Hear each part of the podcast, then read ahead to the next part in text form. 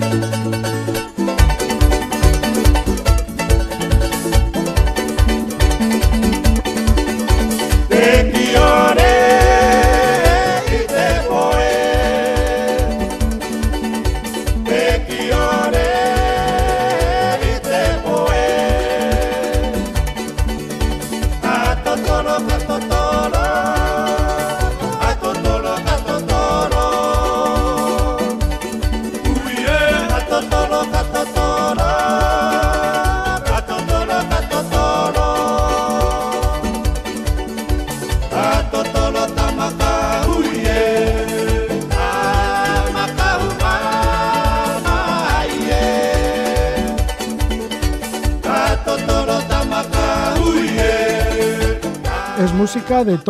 En el Pacífico, una de las islas del Pacífico. Allí vive nuestro invitado, Papu, Íñigo Echevarría. La historia de Papu pues es una historia extraordinaria, totalmente extraordinaria, de esas de novelas de los mares del sur, pues igual igual, pero real. Vamos a seguir a hablar con Papu, pero bueno, para hacer un poquito balance de lo que es su historia, diremos que Íñigo Echevarría, su padre, nació en Donosti en el año 1949, salió de Marbella en el año 1983 con su hermano Eduardo y su cuñada Pilar Mejías. Salieron en el velero Rock and Blues, apenas sabían navegar, aunque bueno, ya habían hecho algunas travesías por el Mediterráneo, y con el Rock and Blues pues cruzaron el, el Océano Atlántico hasta Panamá. Íñigo regresó a Donosti a buscar a su hijo, que por aquel entonces tenía nueve años, Papu, y en Panamá compraron un nuevo velero al que le llamaron 7 de julio pusieron rumbo hacia Australia, en donde educaría Íñigo Echevarría pues, a su hijo Papu. Antes pararon en Tonga, en donde se quedarían hasta que pasara la temporada de ciclones, pero fueron también acogidos que a los dos meses los tonganos les hicieron quedarse. Y Papu con el tiempo fue adoptado por una familia de Tonga y allí ha vivido hasta que ha vuelto ahora a Donosti 33 años después de su salida cuando tenía 9 años. Estamos con Papu. Papu, muy buenas noches. Buenas noches, Roge. Papu, que tu historia, mucha gente no, igual ni se la cree, ¿no? Bueno, cuando, bueno, vamos, sí que se la creerán porque en Tonga eh, lo has vivido, conocerás a toda la isla, a todos los habitantes de la isla, pero cuando recuerdas toda tu historia, parece que como que, que fuera una novela, ¿no? Pues sí, la verdad es que este viaje de vuelta ahora aquí a, a mi tierra y a mi infancia, pues, pues me, me ha ayudado mucho a ponerlo en perspectiva eso, ¿no? Porque para mí pues eso hasta cierto punto ha sido una cosa pues ha sido mi vida y, que, una cosa normal no pero aquí que he tomado contacto con mis primos y con amigos de mi aitá y, de, también de mi madre y de, la cuadrilla de ellos de, cuando eran jóvenes pues todos coinciden en esa visión. Me lo ha dicho mucha gente que debería de escribir un libro y que menuda historia y eso bueno. Qué te voy a decir pues desde luego que es un tanto peculiar tanto que peculiar, ¿no? Porque tú te criaste en, el, en la parte vieja de Donostiarra. Así es, así es. Primeros de los 80 hasta mediados de los 80, mm, mi aita concurría muchísimo esa zona por, por varios motivos y, y bueno, pues yo tenía unos recuerdos eh, muy diferentes a lo que a lo que me he encontrado ahora. Yo me fui, pues eso, a mediados de los 80 y mi visión de de Donostia era una visión bastante lúgubre, muy, muy violenta, con un, encontronazo entre un, grupo de, de, pues eso, un segmento de la sociedad de aquí con las Fuerzas Armadas y eso yo lo vivía muy, muy intensamente como niño y ahora que he vuelto 33 años después, pues el cambio es brutal, ¿no? Y las pintadas que había en la calle, que eran totalmente eh, también agresivas y de muy alto nivel, pues todo eso ha desaparecido y, verlo pues a través de los mismos ojos sin haber visto el cambio gradual, pues ha tenido, o sea, para mí ha sido una experiencia muy intensa, ha sido muy intenso el pasar por la Plaza de la Constitución o de la Trini, como le llaman, y yo a través de mis ojos, o sea, mis recuerdos, ver una imagen que es diferente a la que estoy viendo con mis propios ojos en este momento, ¿no? Y pues eso, un viaje muy profundo en muchos niveles. Era una época muy dura por aquel entonces, principios de los años de 1980, 1983, cuando se fue tu padre, ¿no? Bueno, pues en el tema político también estaba el tema de la droga. Era un mundo bien diferente al que te has encontrado ahora, como estás comentando. ¿Y cómo fue tu salida de Donosti? ¿Cómo recuerdas? Porque claro, en principio te dijeron que ibas a pasar un verano en Panamá, pero ese verano se ha prolongado 33 años. Pues exactamente, exactamente. Eh, yo me fui de aquí y, supuestamente unas vacaciones de verano, habiendo terminado el curso escolar de tercero de GB y ya te digo, como, como acabas de mencionar, 33 años han pasado desde aquel verano. Porque Íñigo, tu padre, bueno, junto con tu tío Eduardo y su mujer Pilar, pues sí que estuvieron navegando por el Mediterráneo y así, y luego decidieron cruzar el Atlántico. ¿Qué querían? ¿Vivir un mundo de aventuras? ¿Apartarse un poco de lo que habían vivido aquí, esa, ese tipo de sociedad tan fuerte y tan, tan así que había, o tan gris que había aquí en Donosti, para aquel entonces? Sí, pero, pero sobre todo mi tío Eduardo buscaba desde aquel tiempo su isla. Él buscaba, él tenía varias cosas leídas y tal y cual, y entonces su, su verdadera meta era encontrar una isla un, donde él pudiese llevar a cabo ese estilo de vida, ¿no? Un estilo de vida prácticamente 100% natural, ¿no? O sea, en una relación eh, absoluta con la naturaleza y es lo que es lo que básicamente encontramos al llegar a Tonga. O sea, nosotros no íbamos con ningún destino en particular, no mi padre sí tenía una idea un poco más clara de que él al final pues pensaba que el, fin del viaje era en Australia, pero pues por ejemplo, o sea, como queda evidente de con el hecho de que desde Panamá hasta las islas de Tonga pues nos tomó cuatro años, o sea que no íbamos con una eh, eso, con una meta fija, ni mucho menos. Íbamos parando según íbamos encontrando sitios y era más bien abrir la carta en la mesa y, de, viendo los sitios que quedaban más o menos cercanos, cuál era la siguiente parada. Y una vez que estábamos en un sitio, pues eso, tampoco íbamos con un plan determinado de estar ahí X tiempo. De manera que en algunas estábamos pues un par de semanas y en otras pues hasta un año entero como fue en, pues por ejemplo en la isla de Tikehau en, en el archipiélago de las Tuamotu. Sí, porque como dices tu tío Eduardo, pues iba buscando esa isla ideal por el Océano Pacífico y allí a donde llegabais, pues probabais suerte. Pero ¿cómo fue la navegación? ¿Cómo fueron los primeros días navegando en el velero 7 de julio? Porque eh, cuando tu hermano, cuando tu padre Íñigo, bueno, iban Íñigo, Eduardo y Pilar, ¿no? En el barco Rock and Blues, que se llamaba así porque Eduardo toca muy bien la guitarra y le gusta mucho la música y demás igual y tal. Y luego ya cuando fueron a Panamá, pues ya tu padre compró el 7 de julio para ir contigo, aparte, ¿no? Entonces te llama, bueno, va a Donosti, te recoge, vas al barco y luego ya empezáis a cruzar el Océano Pacífico. ¿Cómo fueron para ti esos, con nueve años, esas travesías? Tan largas por el Océano Pacífico. ¿Cómo fueron esos primeros días de navegación? Pues em, la verdad es que fue un proceso un tanto gradual, Roge. Tampoco fue. Mi padre, cuando volvió aquí a Donosti para buscarme, estuvimos viviendo juntos aquí, pues quizás un año y pico o hasta casi dos. Eh, o sea que tuvimos otra etapa de la vida aquí y luego ya cuando vino mi tío Eduardo por alguna cuestión familiar y luego ya nos fuimos todos en avión desde aquí hasta, hasta Panamá.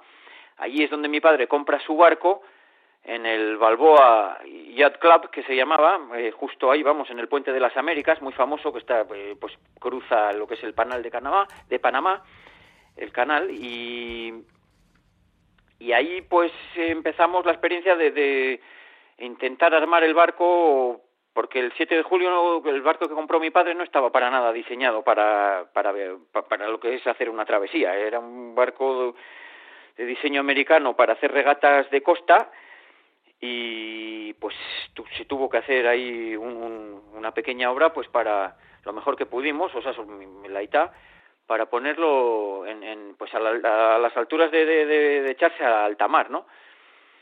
Dentro de lo que se podía, porque el 7 de julio, pues eso, un velero de 8 metros, sin motor, ni ningún tipo de tecnología, ni, ni una batería, ni una bombilla, ni nada, o sea, ni una radio, ni ningún tipo de comunicación. Entonces teníamos un sextante y eso. Entonces el primer viaje mío fue del, de Panamá a un grupo de islas pertenecientes también a Panamá, las Perlas, que fue un viaje como de unas 6 o 8 horas y con eso yo, con esa experiencia me valió yo ya de ahí en adelante me, me, prometí a mí mismo que yo no iba a viajar en el 7 de julio, ni mucho menos hacer una travesía que les oía hablar a mi tío y a mi padre de cruzar el Pacífico, ¿no? Y bueno, eh, lo planteé de una manera muy seria y al final les acabé convenciendo a todos de que yo iba a ir con Eduardo y Pilar en el Rock and Blues. Y así fue. Las primeras travesías que hice yo fueron en el Rock and Blues, de hecho, hasta pues hasta llegar a Tahiti, la isla de Tahití que se dice aquí. Una de las primeras paradas fue en las Islas Galápagos, en las que estuvisteis todo un mes. ¿O no? ¿Qué va? Tres meses, ¿no?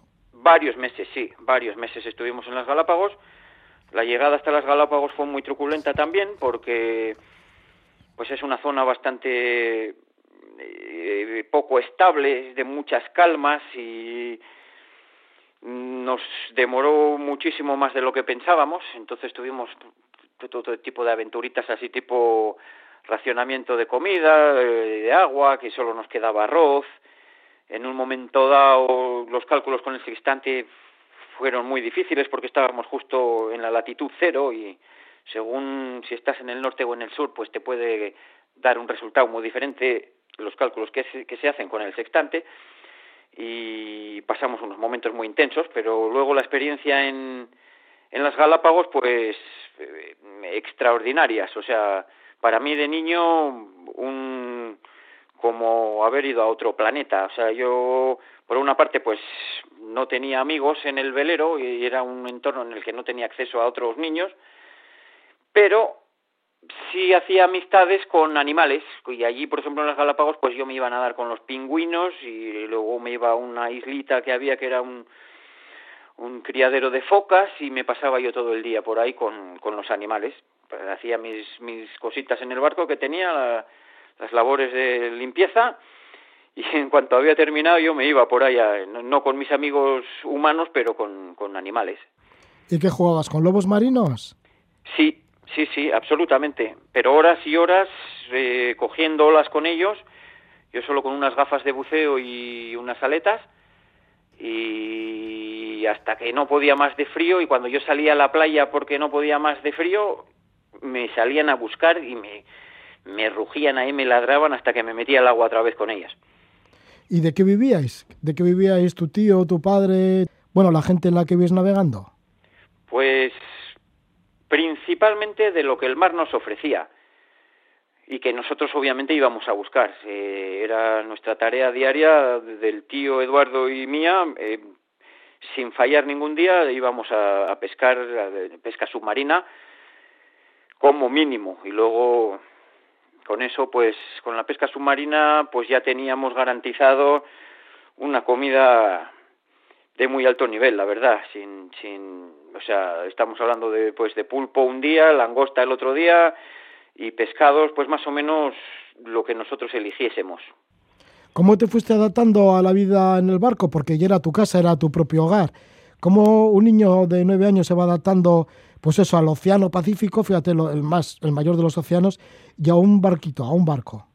Pues la verdad es que de una manera muy natural también, o sea, inconsciente de ello, por supuesto, a esa edad, y uno, pues eso, ¿no? Lo que es el día a día, al final es, esa es tu realidad, y, y, lo demás se te, se te olvida un poco, o sea, eso es lo que te tienes que afrontar, lo, lo, que tienes enfrente tuyo en ese mismo momento, yo ya pues como habíamos mencionado antes el cambio de donde yo salía que era pues eh, las calles de, de, la parte vieja con autobuses en llamas de, de, barricada y de estar debajo de un coche que es ahí donde mi aita me metía para irse a tirar piedras pues de repente estar en un barco y empezando a aprender a, nadar y luego a bucear y empezar ya a coger mi primera ostra y con una perlita dentro y luego pues que pues muy eh, una cosa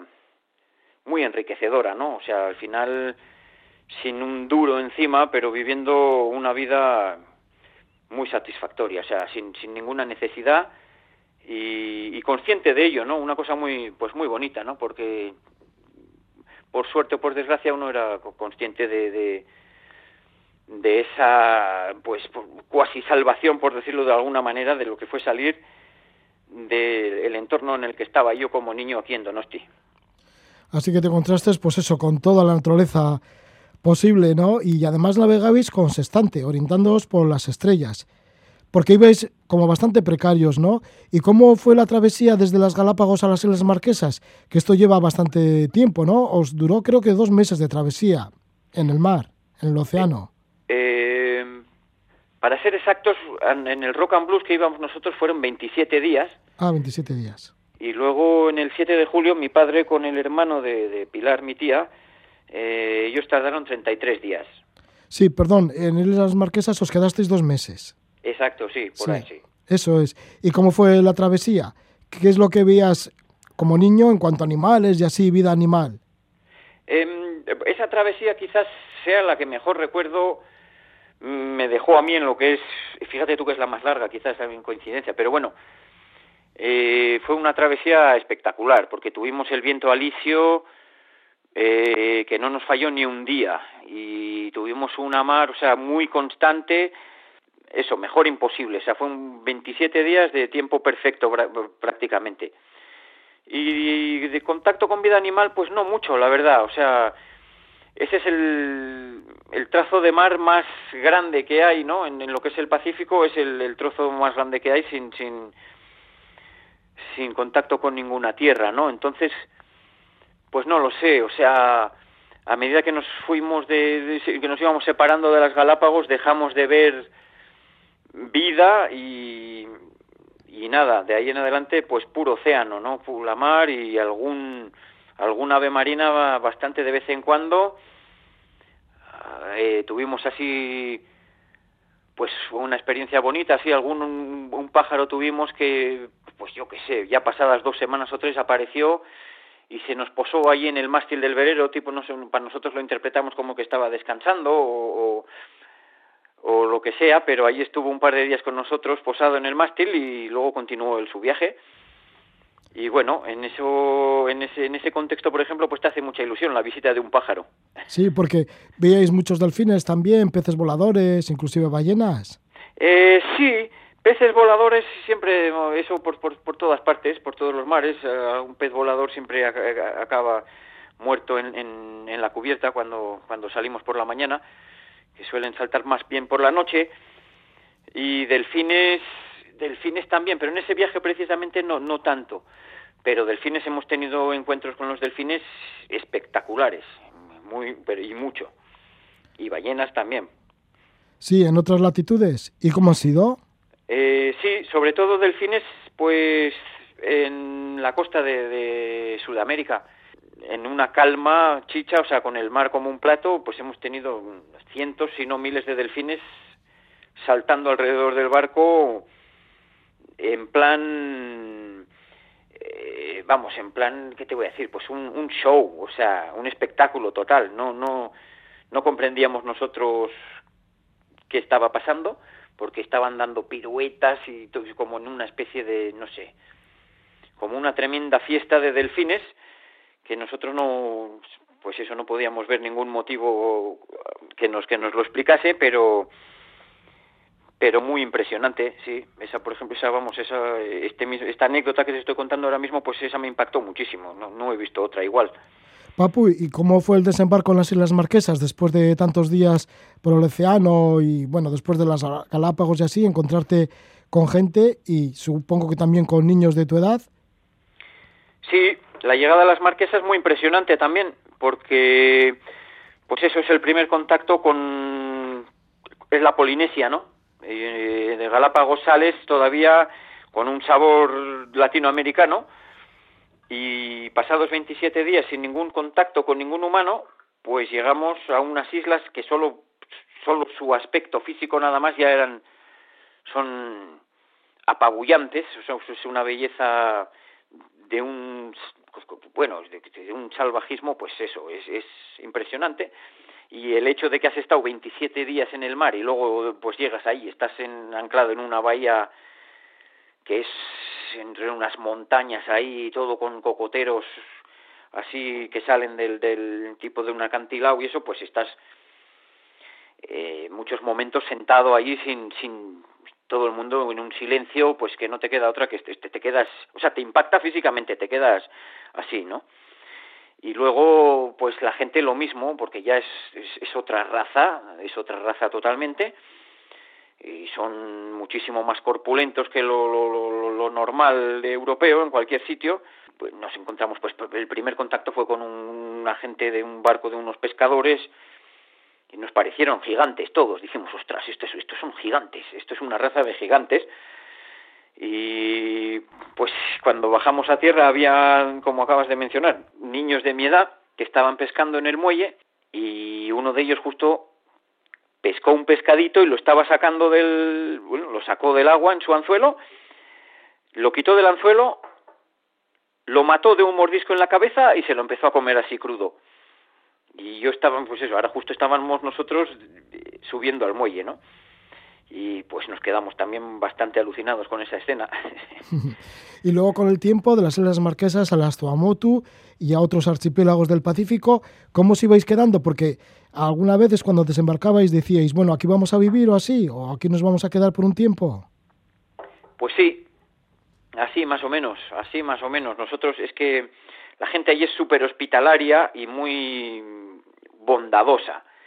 Entonces por otra parte, nosotros también siempre íbamos a sitios alejados más bien de lo que fuese un centro cívico. Y en muchos sitios ni siquiera hacíamos una entrada. O sea, hemos estado pues, años sin tener una entrada o una salida en el pasaporte. De manera que al llegar al siguiente puerto así ya más oficial, pues hemos tenido varios líos de ese estilo, de ese estilo, ¿no?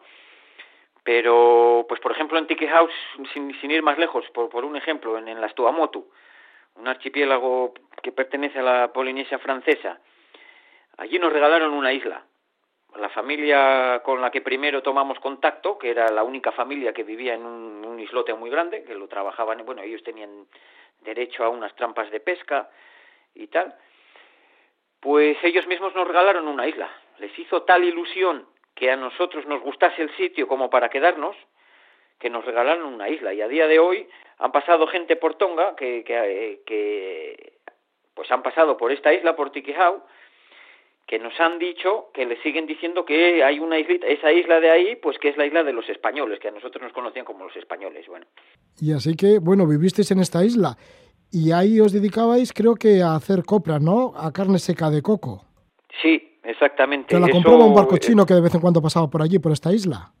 Sí, exactamente. Hacíamos copra que también esta misma familia que nos regaló esta isla nos, nos dio permiso de trabajar dos terrenos diferentes y ahí hacer la copra. Y eso era nuestra manera de, de, sacar algo de dinero para las cosas que no podíamos, pues eso, lo que no sacábamos del mar y de la tierra, pues, pues el clásico, pues aceite y harina y algunos vicios, vicitos como la mantequilla y cosas así, café, por lo demás, pues nos lo trabajábamos todos nosotros. Y lo mismo, una vida muy muy completa, muy muy satisfactoria y con un trabajo duro, pero pero eso, muy satisfactorio, sí. ¿Por qué dejasteis esta isla que os habían recalado en Tokijau, ahí en Tuamotu? ¿Por qué luego seguisteis rumbo hacia otras islas del Pacífico, como por ejemplo Bora Bora? Pues la razón principal, si te digo la verdad, que nos fuimos de aquella isla es porque, porque no había tierra. No había tierra, no se podían plantar la mayoría de las cosas. Era un sitio muy arenoso, son atolones. Y mi tío Eduardo, en, como te había dicho antes, en, su búsqueda de su isla, pues pasamos unos cuantos meses que era un paraíso para todos, pero uno se va acostumbrando a las cosas y, y la, la famosa idea de que siempre va a haber algún otro sitio mejor, ¿no? Y bueno, eh, pasamos ahí prácticamente un año y eso pasó. Tuvimos un par de, mareas altas porque hubo unos, eh, unos temporales muy grandes por la zona y subió la marea un par de veces que casi nos llegó a la casita donde, que nos habíamos hecho y eso, entre una cosa y otra acabamos, bueno, sobre todo mi tío decidió que continuásemos el viaje, ¿no? en Bora Bora precisamente no llegamos a estar, pero en una isla que está al lado de Bora Bora, que se llama Maupiti, y allí también estuvimos una, una temporada grande. Sí, ¿y cómo finalmente llegasteis a Tonga y cómo os quedasteis en las islas en las islas Tonga? Bueno, y no solo te quedaste allí, sino que has hecho la vida y has estado 33 años antes de volver de nuevo a tu tierra de origen, que es Donosti. Sí. Porque allí te adoptó hasta una familia.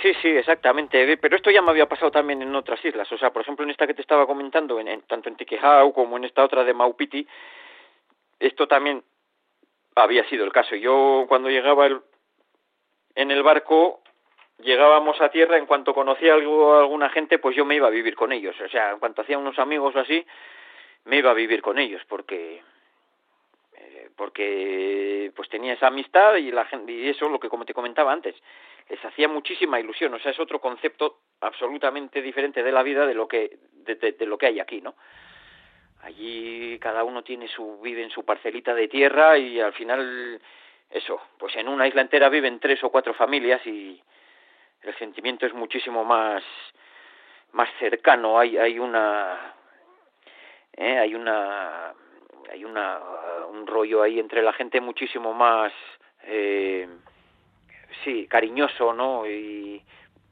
real no yo yo lo veo desde ese desde mi punto de vista real no lo que es lo que es un humano con otro humano no intentando convivir o sea sobrevivir de lo que les da la naturaleza no entonces no hay espacios eh, yo eso yo yo hasta los veintipico años no sabía esto ni de quién es el que esto que había oído de izquierdas y de derechas en, el campo político pero no tenía ni idea de lo que significaba ni uno ni lo otro.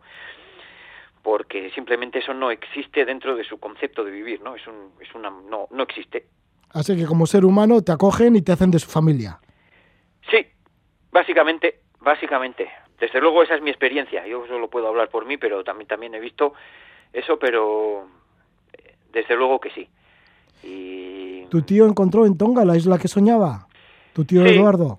Sí, sí, la isla de Tapana. Es una isla que eso es, es su isla, no, no la tiene, es, a día de hoy es suya, ya legalmente, no toda la isla, pero sí tiene ahí ocho hectáreas o algo así, donde tiene un restaurante, la, Paella que se llama, y, y esa sí fue su isla, ahí y como me preguntabas antes, tampoco fue por ningún motivo en particular, sino que simplemente va pasando el tiempo y estábamos a gusto y así pasan las cosas. Como dices, pues pasan los años y allí acabamos. Nunca nos llegamos a ir. Allí sigue el velero, bueno, el Rock and Blues sí, sí se fue, ellos pasados unos años se fueron y luego volvieron, pero el 7 de julio allí sigue. El 7 de julio ahí sigue. Bueno, y tu padre Íñigo Chavarría volvió a Donosti Estuvo como viviendo dos años y bueno, y lamentablemente se murió en junio de, 2003, eh, de 2017. Exactamente, exactamente así pues eh, se cierra de alguna manera ese viaje. En, pasado un tiempo ya con la edad pues empezó a tener unos problemas de salud cada vez más serios y, y allí pues por ejemplo en Tonga pues no no no hay las no hay las facilidades no no hay una infraestructura a un nivel. Por lo tanto, pues decidió volver aquí a su tierra natal y pasó aquí sus dos últimos años. Eh, por una parte nos echaba mucho de menos a nosotros, pero por otra parte también estaba estaba muy contento y muy feliz con lo que encontró aquí en Donostia, pues eso, en su regreso aquí, después lo mismo que yo, después de treinta y pico años.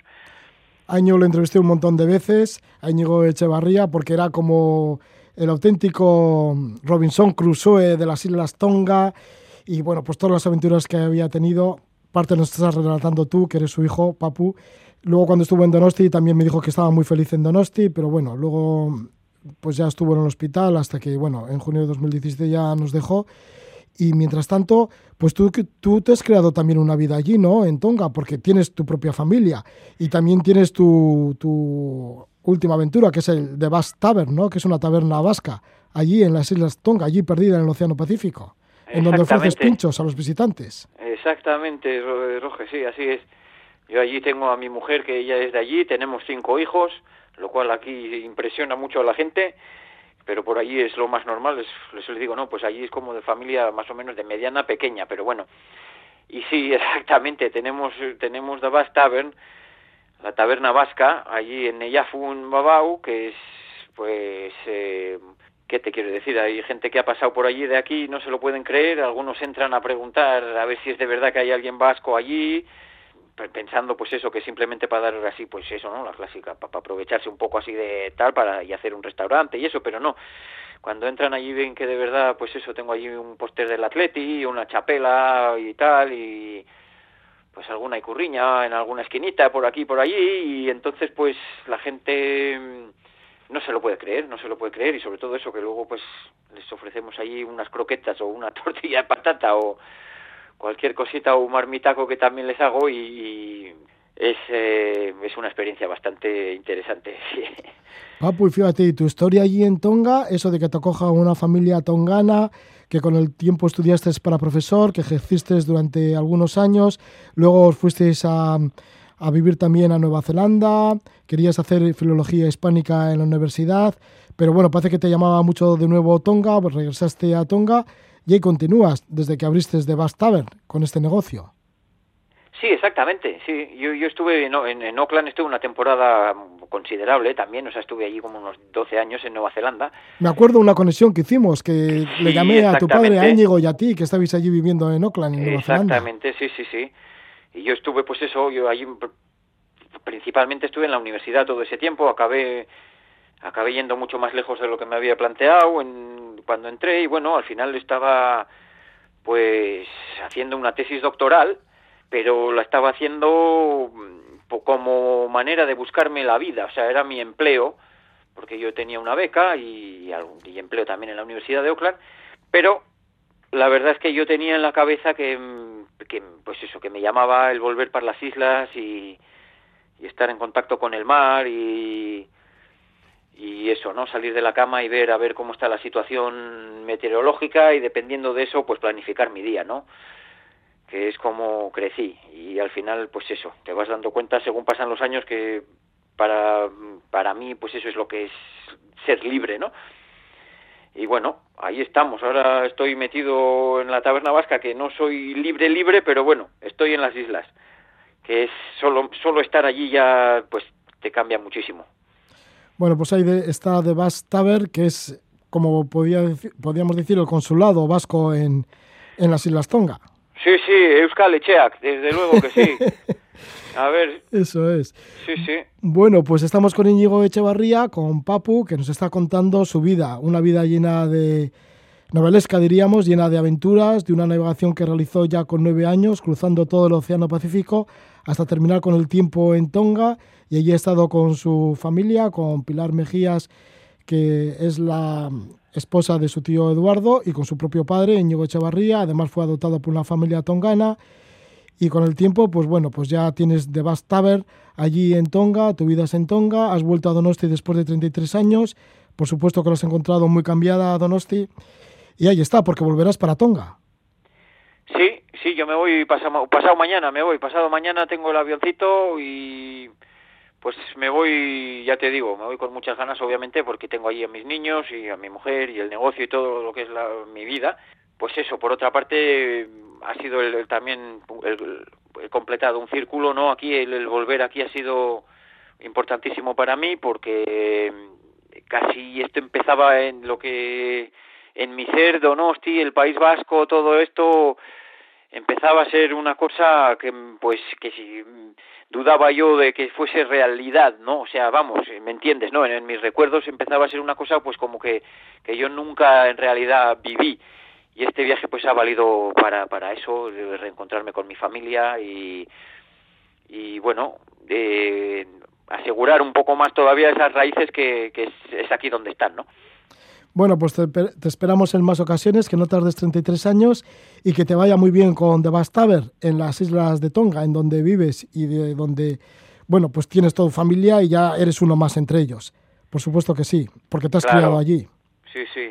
Cinco Echevarrías hay allí que son ya nacionales tonganos, los primeros en la historia. Sí, sí, sí. Pues nada, un, placer, Roge, como siempre, y muchas gracias. Y es que ricasco y también a toda la gente que escuche, pues un abrazo muy fuerte y los que se lo piensan de vez en cuando eso de darse un viaje así por sitios un poco fuera de lo normal, mucho ánimo, mucho ánimo porque enriquece de muchas maneras. Pues muchísimas gracias, Íñigo Echevarría, Papu, y mucha suerte por Tonga. Aupa Roge, un abrazo fuerte.